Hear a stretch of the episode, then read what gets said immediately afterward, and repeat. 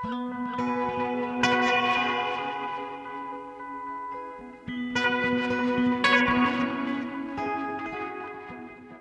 og sæl, kærlustendur. Halla Harðardóttir og Melgorka Ólafsdóttir heilsa ykkur úr hljóðstofu Víðsjár 5. daginn 1. desember. Í þætti dagsins Svartól, Anni Ernó og Morgunsöngur í barnaskóla.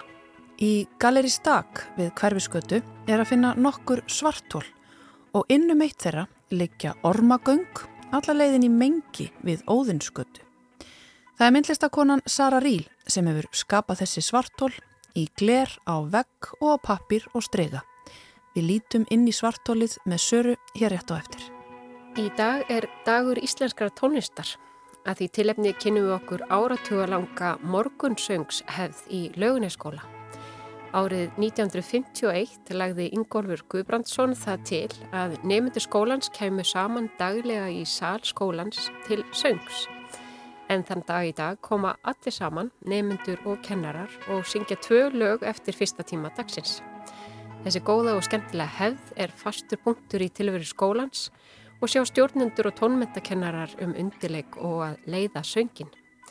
Tveir af aðstandendum morgunsöngsins, Kristinn Sváarsson og Harpa Þorvaldsdóttir, segja okkur nánar af hefðinni og samstarfi sínu sem hófst með þeirra kinnum í lögunarskóla. Og Gauti Kristmannsson segir okkur frá nýjasta Nobelsverlunahafanum, henni fransku Annie Ernaux og einu bókennar sem komið hefur út í íslenskri þýðingu, Staðurinn í þýðingu Rutar Ingolstóttur. En við byrjum á því að fara niður í miðbæ.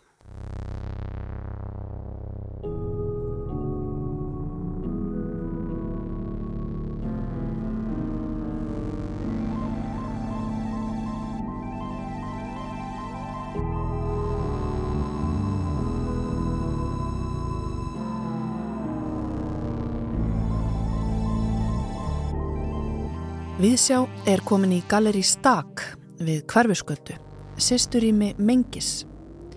Við erum státt á síningu sem heitir Svartól og síningin hverfistemitt um Svartól. Sara Ríl hefur undanfarnar vikur unnið hér að veglistaverki sem nú er tilbúið, auk þessum að vegginum hanga ný og eldri verk. Þar að þau ger hér skuldur sem virkar eins og segull á áhorfandan. Hér er ímislegt sem að minnir á fyrri verk listakonunar. Hún vinnur veggverk í hálgert almannarími, stiga gang á milli galerisins og smekkleysu. Hún horfi til hímins og spáir í náttúrufyrirbæri. Hún leikur sér með ósjálfráða vinnu, undirvitun, tónlist, handbráð, nákamnisvinnu og merkingarkerfi. En af hverju svartól? Svartólið er verk sem að verður til í ferlinu þegar ég er að búið til Destination Mars engasýning sem var núna í ásmundasal og fljótlega voru samræðinar við mengi komnar á fullt skrið að því okkur hefur lengi dreymt um að gera verk í gluggan hjá klósetunum. Sérstaklega ég og Ragnæður Elisabeth höfum verið að láta okkur dreym um það og þá fannst okkur tilvalið að þetta verk gæti verið kannski einhver tenging, einhver sjónræn tenging á milli mengi og sýstur rýmisins stak. Og þá myndum við búa til tvö svartól, eitt væri í mengi og eitt væri í stak eða smekklesu. Þetta er hérna akkurat á stigaganginum á milli. Og svartólið sem fyrirbæri er náttúrulega vinsalt uh, viðfangsefni það hefur verið það bara ábyrrandi í popkúltúr og ég hef í mínum ferli verið að ráðast á kannski eitthvað stór viðfangsefni sem eru almenn og langar bara að gera mínar útgáfur mm -hmm. og svartólið vísindarlega er áhugavert sem stjarnar sem að springur og fellur í sjálft sig og tíminn stendur í stað þegar þú kemur næð þessum event horizon og, og, og tíminn tegist á honum og það er talað um að jáfnveg ljósið slepp ekki svart og liða súgast allt inn í þetta bylgjur, efni, ljós. Og það er óendanlega heitlandi staður að því að það virðist vera eins og hann sé bæði efninslegur en ekki síður hugafarslegur eða andlegur. Að því hann kemur náttúrulega líka upp í, í symbolisma.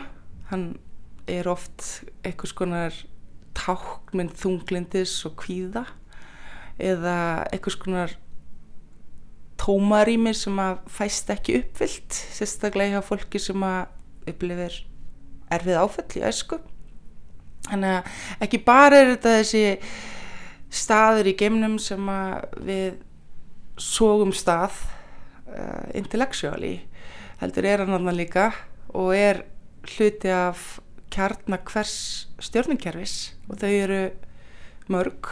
Það er ekki til eitt svartól það er til miljón, trilljón svartól í mismundi stærðum. Þannig að þessi rísastóru og svo er þessi aðeins minni. Og síningin hér er í rauninni bara huglegging á þetta. Mm. hvað hann kjarnar í alheiminum, kjarnan í okkur hvort hann fyrirfinnst líkamlega í okkur eða bara andlega.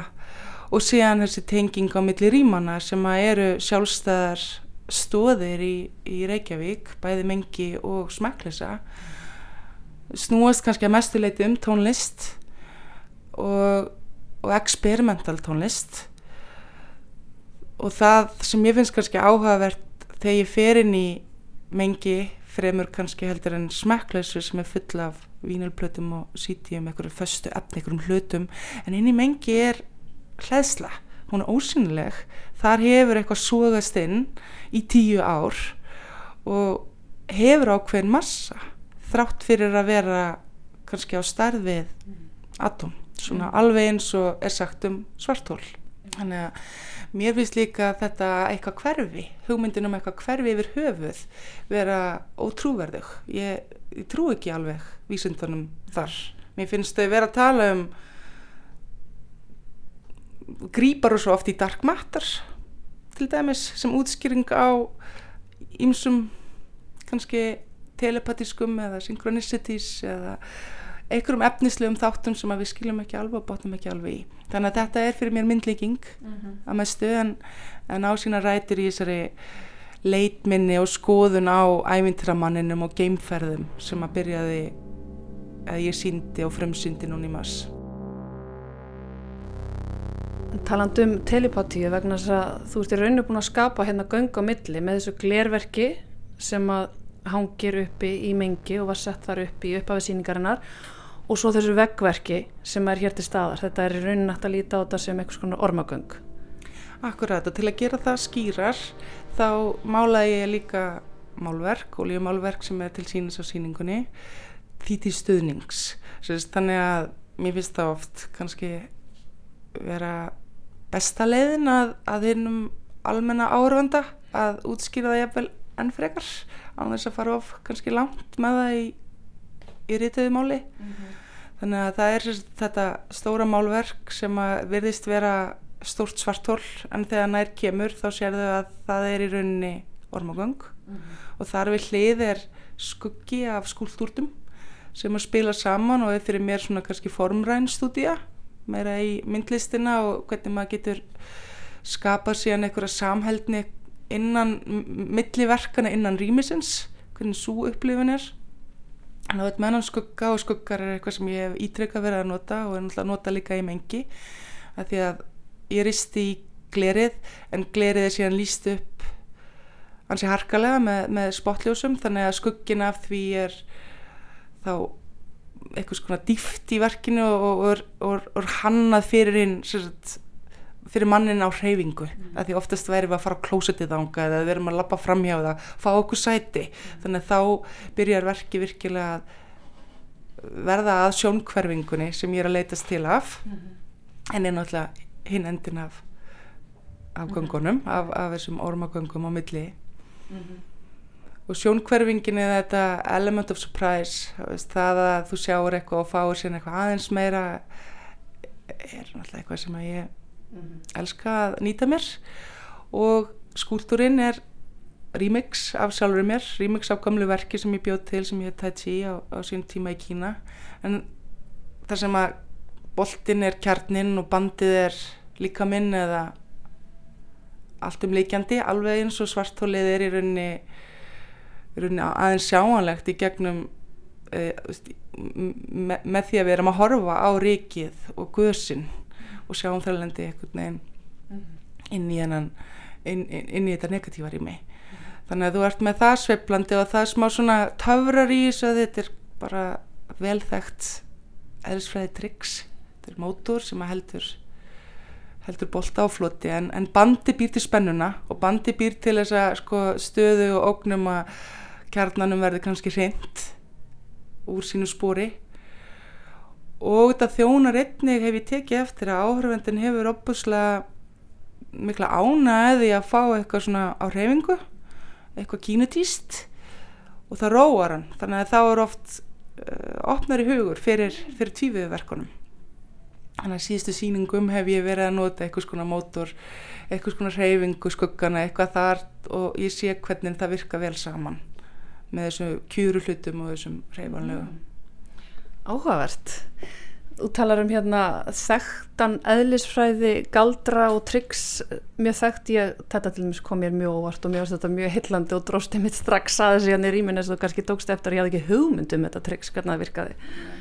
Þetta er eitthvað sem ég lærði bara 19 ára að fara á experimentarium í, í köpen eins og margir aðrir. Já, Já og er bara heitlandi út af fyrir sig skilur og hérna það er þetta að nýta sér, þetta er ekkert spurning um að vera alfrumlegur en það er þetta að nota nokkur svona gimmick, ég kallar þetta eiginlega gimmick mm -hmm. til þess að til þess að stekka heiminn mm -hmm. í kringum sögnina Akkurat Og það er líka annað sem maður tekur eftir hérna það er þessi fínu blæðbriði og þessi dítelar sem að þú vinnur svo oft með það virðist eitthvað að vera svo kemur upp að verkinu og sér eitthvað allt annað og þá opnast ykkur nýrheimur Já, fyrir mér eh, sem er alveg hérna upp í íslensku menningaheimi á mjög svona hugmyndafræðilegan máta þá er sögnin alltaf mikið væg en ég er einnig mjög þjálfið í handverkinu. Og handverkið fyrir mér býr líka yfir þessum mikla sjarma þegar það er þegar það steinleikur mm. og verkin eru gerða þann máta að ég er að hlusta á tónlist í mjög virkri hlustun og er raun að skrásetja rithma og melodýr með þessum línum. Og það er til þess að láta mig líða betur en það er einning til þess að rithmin eða línan verði áhugaverðari og verði fjölbreytari og þá veist, er ég ekki að stjórna. Þá tek ég stjórnina af mér og, og þá er einhver annar sem að ég eldi. Og það verðist fyrir mér bæði gefa mér þessa unun, mm. þessa nöytt við að gera triljón, biljón línur daginn út af daginn inn. Huglislega ástand.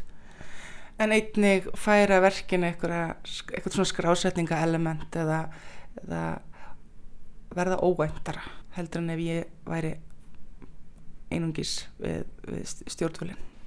Einmitt. Það er eitthvað tilrönablæri líka yfir þessu sem er kannski eitthvað áhrif að því að þú ert að vinna þetta í samstarfi mengi sem er svona tilrönarými þetta veggverk hérna sem að fær vonandi að vera hér bara um ákomna tíð í svæðin á milli staks og smekklisu. Já, þess að í anda og þessari hugssjón sem að mengi hefur verið að vinna eftir er að það er einhver grunnur, einhver kjarni komin en síðan á það að vera pinguhættulegt eða tilhörna kjent þegar þú kemur að flytja verkið mm. eða búa til verkið fyrir framar áhörundur að því að það er alltaf einhver ákveðin spenna í því það er eitthvað sem að íti manni jafnvel lengra heldur en að vera örugur á, í hellinum sínum á vinnustofinni þannig að það var tekinn svo stefna ég myndi mála hérna og ég málaði alla dag, ég er hérna í þrjá hálfan tíma að yfir síningatíman sem eru fjórar helgar. Og það tók tvær vikur að klára það og er hluti af þessari praxis sem ég kem náttúrulega út, út úr og margi þekkja mér sem kannski fyrst og fremd vekkjalista mann að ég kemst í lang bestu samtölin við Gunna og Gumma hvert sem er ummyndlist þegar ég fer út og byrja að vinna aðinni fyrir framann fólk mm. og ég er eitthvað svona eitthvað svona hluti af minni, minni leið er að vilja þetta samtal að vilja koma með fjallið til fólksins að hérna býða ekki einungis eftir áhugin sé það mikið að þau komi inn á safni heldur að það sé líka framreitt fyrir þann sem að mögulega vil það ekki en, en, en þarfa og sér þá myndröymur er alltaf að fólki sjáu þetta eitthvað sem annað en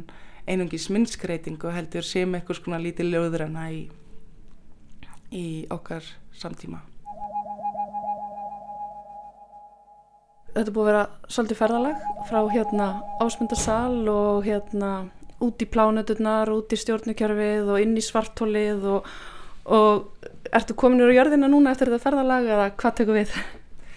Ég verist vera först á milli heimins og jarðar að því að síðustu verk hafa snúist um veður og það er eitthvað sem ásækir mig þannig að kannski er ég svona hægt og róli að lenda og þetta byrjaði náttúrulega með lift-off í aðinu á head-to-head verkefninu stóra sem var þar. Það, það hétt bókstafla lift-off það verk. Og einmitt þannig að kannski er ég svona hægt og róli að taka fallífuna og, og svona svífa rólega til jarðar aftur.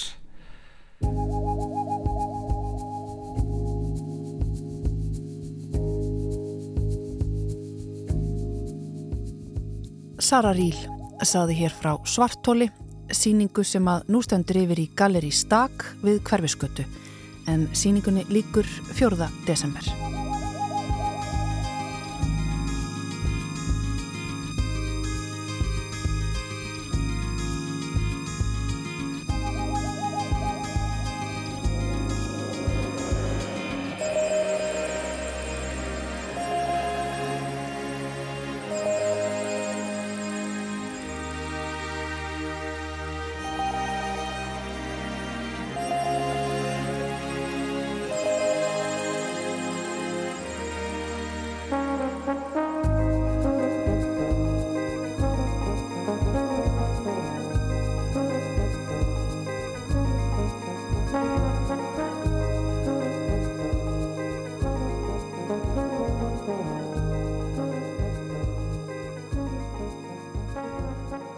Nokkri tónar af Moon Safari plutunni frá frönsku popsveitinni Er. En þá tekur Gauti Krismansson við. Bandaríski félagsfræðingurinn David Riesman skrifaði fræga bók um meðja 20. öld sem heitir The Lonely Crowd, A Study of the Changing American Character. Það sem að fer við félagslega þróun einstaklinga í samfélögum eftir því hvernig þeir stýrast af umhverju sínu. Hann setur upp einfalda en áhrifaríka mynd af því hvernig manngerðir í samfélögum stýrast ímest af hefð, af innri vilja eða ytri áhrifum. Þessi stýring mótast að miklu leiti af stjettum og þeim möguleikum sem umhverfið hefur á þær. Á miðöldum stýrðist fólk, háir sem lágir, af hefð, fólk fættist inn í einastjett og dó í þeirri sömu. Á nýjöld kemur til hinn innri stýrða manngerð sem hefur í krefti aukinar mentunar eða annara tækifæra möguleik á því að brjótast út úr læri stjættum til einhvers konar millistjætta sem er að vísa af mörgum gerðum og með sín eigin stigveldi. Loks kemur að því í hennum stóru borgarsamfélögum þar sem fjöldi fólks er einungjus í sambandi við sína hópa í samfélaginu og stýrast þar með af ytri áhrifum, laga sig að þeim.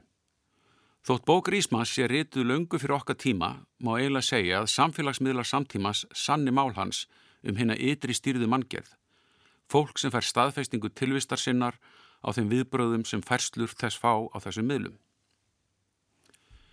Bókin sem hér er undir er enda líka reytuð löngu fyrir okkar tíma, 1982 nána tildekið, og vafalist ekki undir neinum áhrifum félagsfræðinsins bandaríska, en hún endur speiklar í sínu knappaformi þess að þróun að einhver leti. Hún segir aðalega frá föður sögukonnar, smáköpmanni og kaffjúseganda í smábæi Fraklandi um miðja síðustu öld, en fadir hans og afi hennar var áraðanlega af leggstu stjætt, nánast í vistarbandi í kringum upp á 20. aldar. Afinn styrðist algjörlega á hefðinni og hefði vísast aldrei látið sér dett í hug að eitthvað breyttist í hans lífi. Fadir hennar hins vegar brist út úr þeirri stjætt, vissuleg ekki langt, en æfi hans stýrist að þeirri innrið þrá að ná eitthvað lengra, eins og sjáum á örlitlum áfengum hans með búð sína á kaffihús og stundum þversagnakendri þrá eftir að dóttir hans fari enn lengra og verði föður betrungur. sem hún á verður. Hún er dæmi um hérna ytri stýrðu manngerð í líkanni Rísmanns þar sem hún skrifa bækur og hlitur fyrir markáttaðar viðurkenningar. Þegar hún er að alast upp frá uppröna sínum, með skólagöngu sinni hverfast hugmyndir hennar í hennu nýja umhverfi millistjættar og mentafólks líka um ytri viðurkenningu innan hópsins sem hún er að nálgast hægt og bítandi. Það er auðvitað ofur einföldun að leggja félagsfræðir líkan ofan á svona bókmyndaverk, en öll greining felur í sér að einfalda flækjur sem tekstin býr yfir. Staðurinn er sjálfsaga, fremur en sjálfsæfisaga, en um þessar bókmyndagreinar hefur tölvöld verið fjallað undan farin ár og ber þar kannski helst að nefna Sigur Gilva Magnússon sakfræðing og Gunnþórunni Guðmustóttur, bókmyndafræðing, en þau hafa einnig notað mismunandi hugtök eins og sjálfsbókmyndir og æfiskrið. En í grunninn eru sjálfsögur bókmyndaverk sem hafa höfundverksins að viðfángsefni að einhverju leiti. Þessi bók er líka það sem kallað hefur verið metateksti og þá í bókmyndafræðilegum skilningi en þetta hugtak verist vera komið í umræður um gerfigreind og annað tölvutengt, samver metavers. Metateksti er hér teksti sem fjallar um það verk sem lesandin er að lesa nákvæmlega þá stundina. Annie Ernaux velti nefnilega fyrir sér hvers konar bókmyndaverk hún er að skrifa og segist hafa hætt við að skrifa skáldsugum föður sinn sem hún vildi samt skrifa um, en með öðrum hætti en skáldlegum, tilvitun hefst. Engar skáldlegar minningar, engin aðhlátusefni færð í stílinn. Einfaldur réttáttur henda mig vel, sá sami og ég notaði áður fyrir til að segja fóröldrum mínum nöðsynlegustu fréttundar að mér, til utnum líkur. Arnó stendur alveg við þetta. Stílinn er knappur en samt sem áður sérstaður. Aðbræðstíðingur auðar Ingólstóttur endur spekla það mjög vel. Þessi lesandi skinnjaði hvernig einfaldur stílinn öðlaðist sína eigin fagufræði í verkinu. Hann er bæði einfaldur og flókin í senn. Þótt höfundurinn notið þann réttátt sem hún nefnir hér áður ofan, er hann alls ekki allur það sem hann er séður. Hann er frá sjónarhörni hennar sem fullþroska og mentara konu og einn helstu átökin í sögunni snúast einmitt um tungumálið. Átök föðurins að kom ekki upp um lástéttur uppruna sinn með orðum sínum, hvernig hún sjálf kastar af sér hjúp málísku og þess sem hefði nýja umhverfi liti á sem sveitalegt. Hún skrifar einmitt nokks konar metateksta um tungumálið sem hún talaði áður en talar ekki lengur. Hún þjáist líka af einhvers konar samvinskupiti, eftirsjá, sem um leið er drefkraftu þessar að skrifa. Hún fjallar opinskátt um það í tekstanum, tilvitun hefst. Að átta mig á þessum smáadriðum hefur mikil áhrif á mig núna. Kemur til mín að miklu meiri ágengna en ég gróf þau niður. Svo vissum að þetta skipti engu máli. Einn niðurlægandi minning var til þess að ég gemdi þær. Ég lagaði með að ósk þess heims sem ég lifi í sem leggur sig fram um að láta minningar okkar frá heiminum fyrir neðan gleymast, rétt eins og þar varum vondan smekka ræða. Tilvitnu líkur. Hugsanlega er þessi skrif emitt tilraun til að hefja upp þennan heim sem hún yfirgaf á hans eigin fósendum og það má vel segja að það hafi tekist. Þessi heimur og fólki hennar standa okkur ljóslefandi fyrir sjónum þótt í knöppu máli sé. Spurningin um haminguna er síðan annað leiðarnóða í tekstanum. Spurningin um hvort hægt séu öðlast hamingju inn í sínum heimi og vitaskuld er því ekki svara með ótvíraðum hætti. Þetta er alltaf retorisk spurning. En sögukonunni finnst samt sem áður að fadur hennar og móðir séu stundum hamingjusum, þótt oft steiti líka á í lífinu, rétti svo gengur. Spurningin er eftir vill bara svo hvort hægt sé að vera hamingjusum þrátt fyrir lága og báa stöði í lífinu og því er þó svarað með þessu stundum og stundum ekki. Á hinbógin þrýstir sér fram önnur spurning við lesturinn. Hefur sögukonan sjálf fundið einhverja hamingju vegna þess að hún hefur komist frá uppröðun sínum til menta og stöðu í borgaralegu samfélagi? Það er kannski spurningi sem við þurfum alla að spyrja okkur eftir lestur þessara bókar.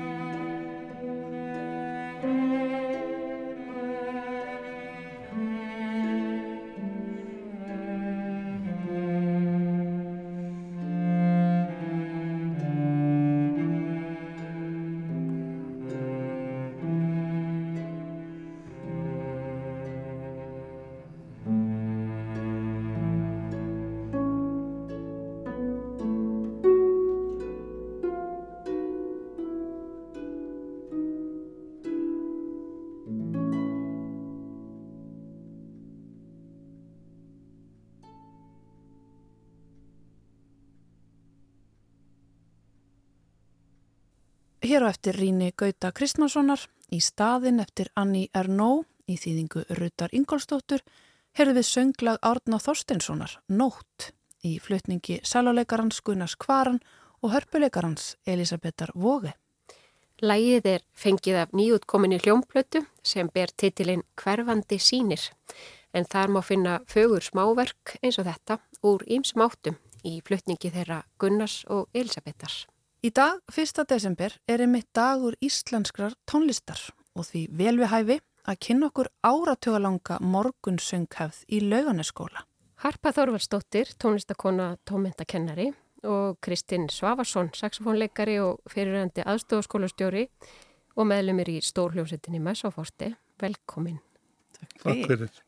Ykkar samstarf næri nokkuð langt aftur og upphóst að ég veit í laugunisskóla, það sem er mikil og gamalgróin sönghefð. Harpa, segð okkur aðeins nánar af ykkar kynnum. Já, ég kom til starfa í laugunisskóla, eða kom í laugunisskóla 2013 hösti 2013 og þá kynntist ég Kristni. Hann réð mig einmitt til vinnu í gegnum Skype þar sem ég bjóði í Östuríki. Okay. það var vorið, það var allt mjög skemmtilegt. En þá hittust við og einhvern veginn strax, ég er náttúrulega þekkti kallinn, mm -hmm. þekkt hann ekki persónlega, frægum aður. Og, og bara fljótlega upp úr því að þá fórum við svolítið að spila saman, leik okkur bara svona aðeins, hann var oft með saxofónin í vinnunni bara og, og kíkti í heimsók Kristín, þegar ég fór að grafast fyrir um þinn feril sem er náttúrulega mjög stór og fjörbreyttur þá kom upp fréttir að því þegar þú hættir í messofortið þannig að eitthvað mann á nýjunda áratögnum en þú hefur sko síðan svo lagt saxofón og hillinina síðan og hefur komið að mörgum verkefnum og spila mörgum plötum og þú ert enn að Já, já, já. Nú eru þið líka búin að vinna saman og gáðið út saman plötu. Já, fyrir tveimur orðum. Já, það, það var eiginlega bara svona afrakstur af, af þessu fyrkt okkar í skólanum. Við gerðum það okkar nokkar að, vera með örtónleik alltaf á mótnana þegar að bönnin og fórættrar voru að koma í skólan og starfsfólkið og spiliðum jólalög á aðvendinni okkar í, í mótni mm. og okkur fótt þetta bara mjög skemmtilegt og svo fórum við nú svona að skoða þessi lög betur sem við hafðum verið svona að leika hana, bara svona meira minna fingur fram en eh, þá fórum við svona pinlítið að útsetja þetta og, og, gera meira við þetta. Og uh, síðan ákvaðum við það að, að, taka þetta upp. Við ætluðum að taka þetta upp í salnum í skólanum. En það voru svona ákveðin vandamál sem að, að voru samfara því þannig að við gerðum þetta í stúdiói en öll einir bara spiluð í heilsinni beint. Það er ekkert sko bætt við ennum í einu lagi. Og þetta var bara svona happening á, í stúdiónu sem að geri þessa plötu svolítið sérstakka hún er, hún er svona mjög einleg okkar bekja halvu held ég. Mm -hmm og uh, það verður alltaf til ykkur galdur þegar að fólk er að spila svona live fyrir ekki að flítja lífandi tónlist yeah. en, en það, það verður alltaf til eitthvað sem að uh, þú nærði ekki með því að vinna svona hefðbund að vinna í stúdiói mm. það sem allt er tekið upp í bútum og ég er bara örbútum mm -hmm. Og þið fögnuðu kannski ekki útgáðinu 2020 að staðunar voru aðeins öruvísi? Jú, en, þetta var rosa skrítið því að ég lá sjálf í COVID þegar platan kom út mm -hmm. þannig að það varð ekkert þá og við sem sagt erum að ætlum að spila þessa tónleika í Dómkirkjunni á sunnudaginn klukkan hálf nýju annan í aðvendu og þá ætlum við að spila plötuna í gegn Og þetta er ykkar eigin útsettingar að miklu leiti, eða ekki, að þekktum jólalögum? Já, þetta er okkar eigin Já. útsettingar mm -hmm. og, og svona bættum við svona við, við sumlaugin sko sem eru er, er bara svona þessi þjóðlögu eru er yfirleitt mjög lítil mhm. -huh. og mér var dætt í hug með Jón Áskísson og, og Vísur Vasseindarósu þegar að hann á svona part af því sem allir þekkja Einmitt. þannig að, að ég bætti til dæmis við í það á að gefa börnum brauð svona, og þá er það svona þessi gamli taktur eins og er í hann í hund, krummi hundur svín -hmm. Sem að, er svona millispil hjá okkur. Já. Bætilagi svona, já bætir það ekki kannski en, en það, það gerir, það lengir það. Já, við ætlum að heyra eitt lag á þessari plötu, það síðasta lagið á plötunni og þið kannski segja mér aðeins frá því eftir á.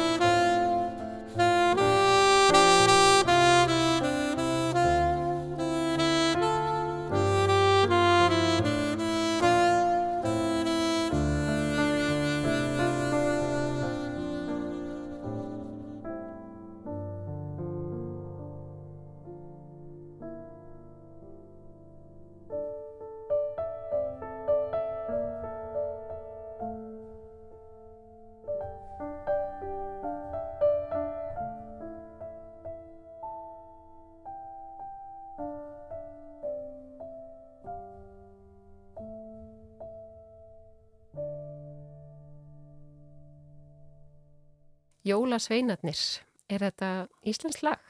Já, þetta er Íslands þjóðlag og þetta varð eiginlega bara til á staðnum, þannig lagað í stúdjónu þegar við vorum að spila þetta saman og þá urði bara einhverju töfrar og þetta er sko í miklu uppáhaldi hjá okkur, báðum held ég. Já, uppáhaldslægi mitt.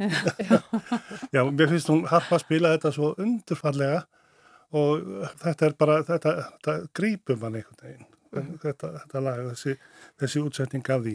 Já, ég hugsaði þetta svolítið eins og bara með jólasveinana að nú væri þeir búnir að ljúka sínu verki yfir jólinn og þannig eru þeir bara á leðinni heim. Já, þeir eru bara kominir í fullkominn slaka. Já, svolítið þreyttir. Já, um mitt.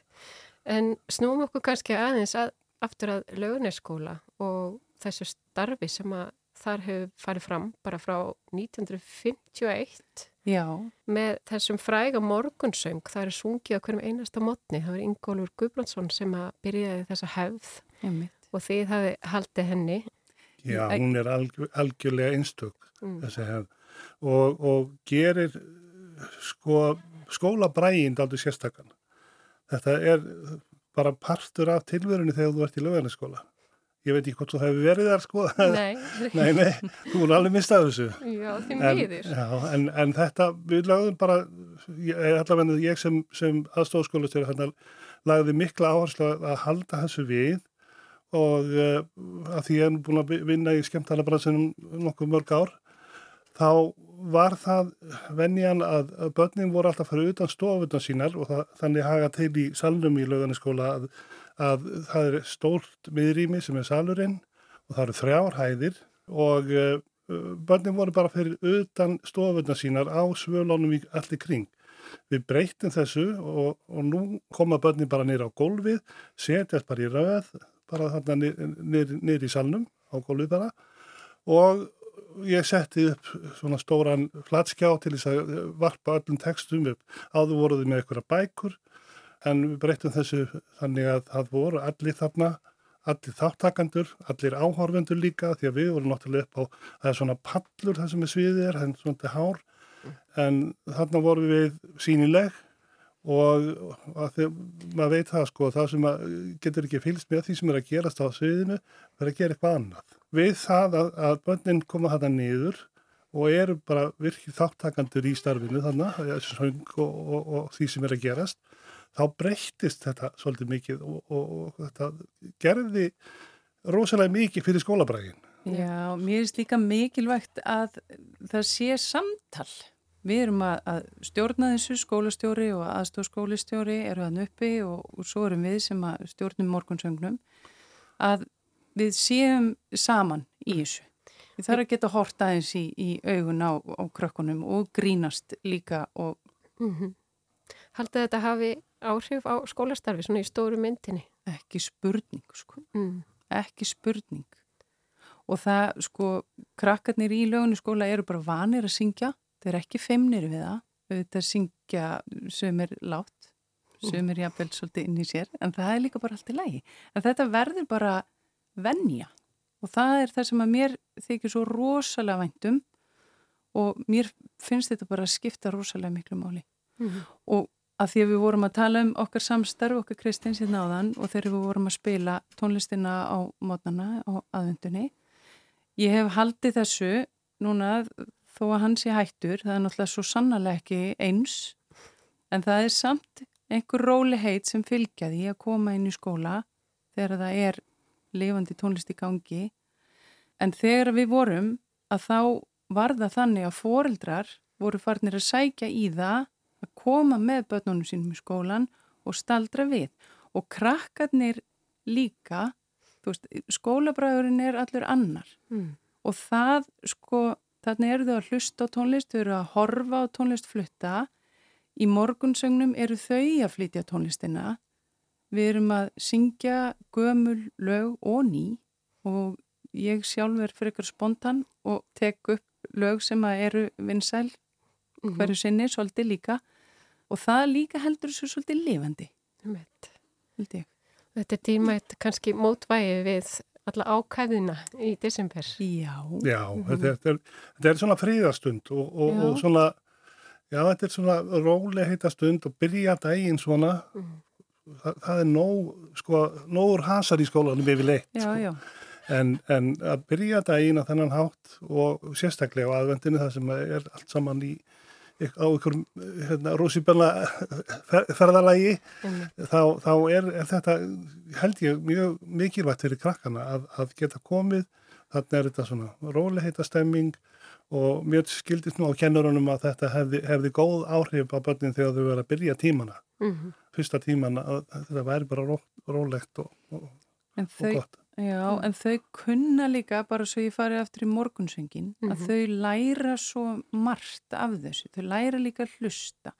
Þau vita alveg til hvers er ætlast af þeim þegar þau koma niður í salin og það er alveg umtalað líka þegar við förum annað á viðburði hvað þau standa sér vel.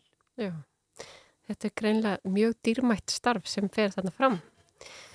Við ætlum að ljúka þessu stuttarspjalli á upptöku sem við fundum í kistunni og það er einmitt morgunsöngur frá árunnu 1954 mm. og það stjórnar uppásmaður morgunsöngsins mm. Ingólu Guðbrandsson Kveðjusöng fjárhýrana úr óratóriunni Bernska Krists eftir Já. Hector Berlioz þarna er ástriðan mætt Þetta er dásamlega Takk innilega fyrir komuna og ég vona að þið haldið áfram ykkar mikið á að starfi. Takk fyrir. Harpa og Kristinn. Takk. Takk.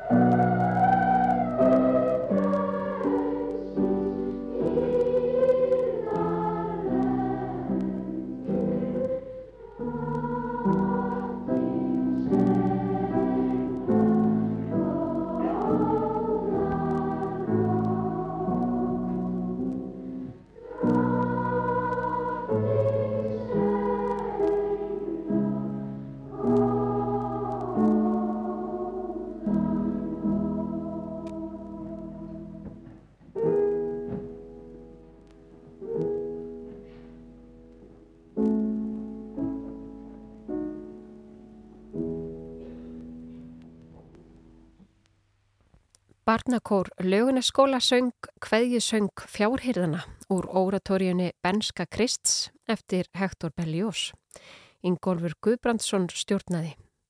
Gullmóli úr Kistu Ríkisútarsins frá árinu 1954 og það fundust fleiri gullmólar því á þessari sömu hljóðritun komu tvær af ástsælustu tónlistakonum Íslandinga fram, bráð ungar. Það er ekki hægt annað en að spila brot frá þeim báðum.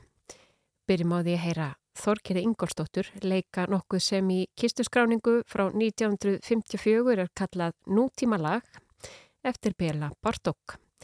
Hinn tíu ára gamla Þorkerður Ingolstóttir leikur á píjano.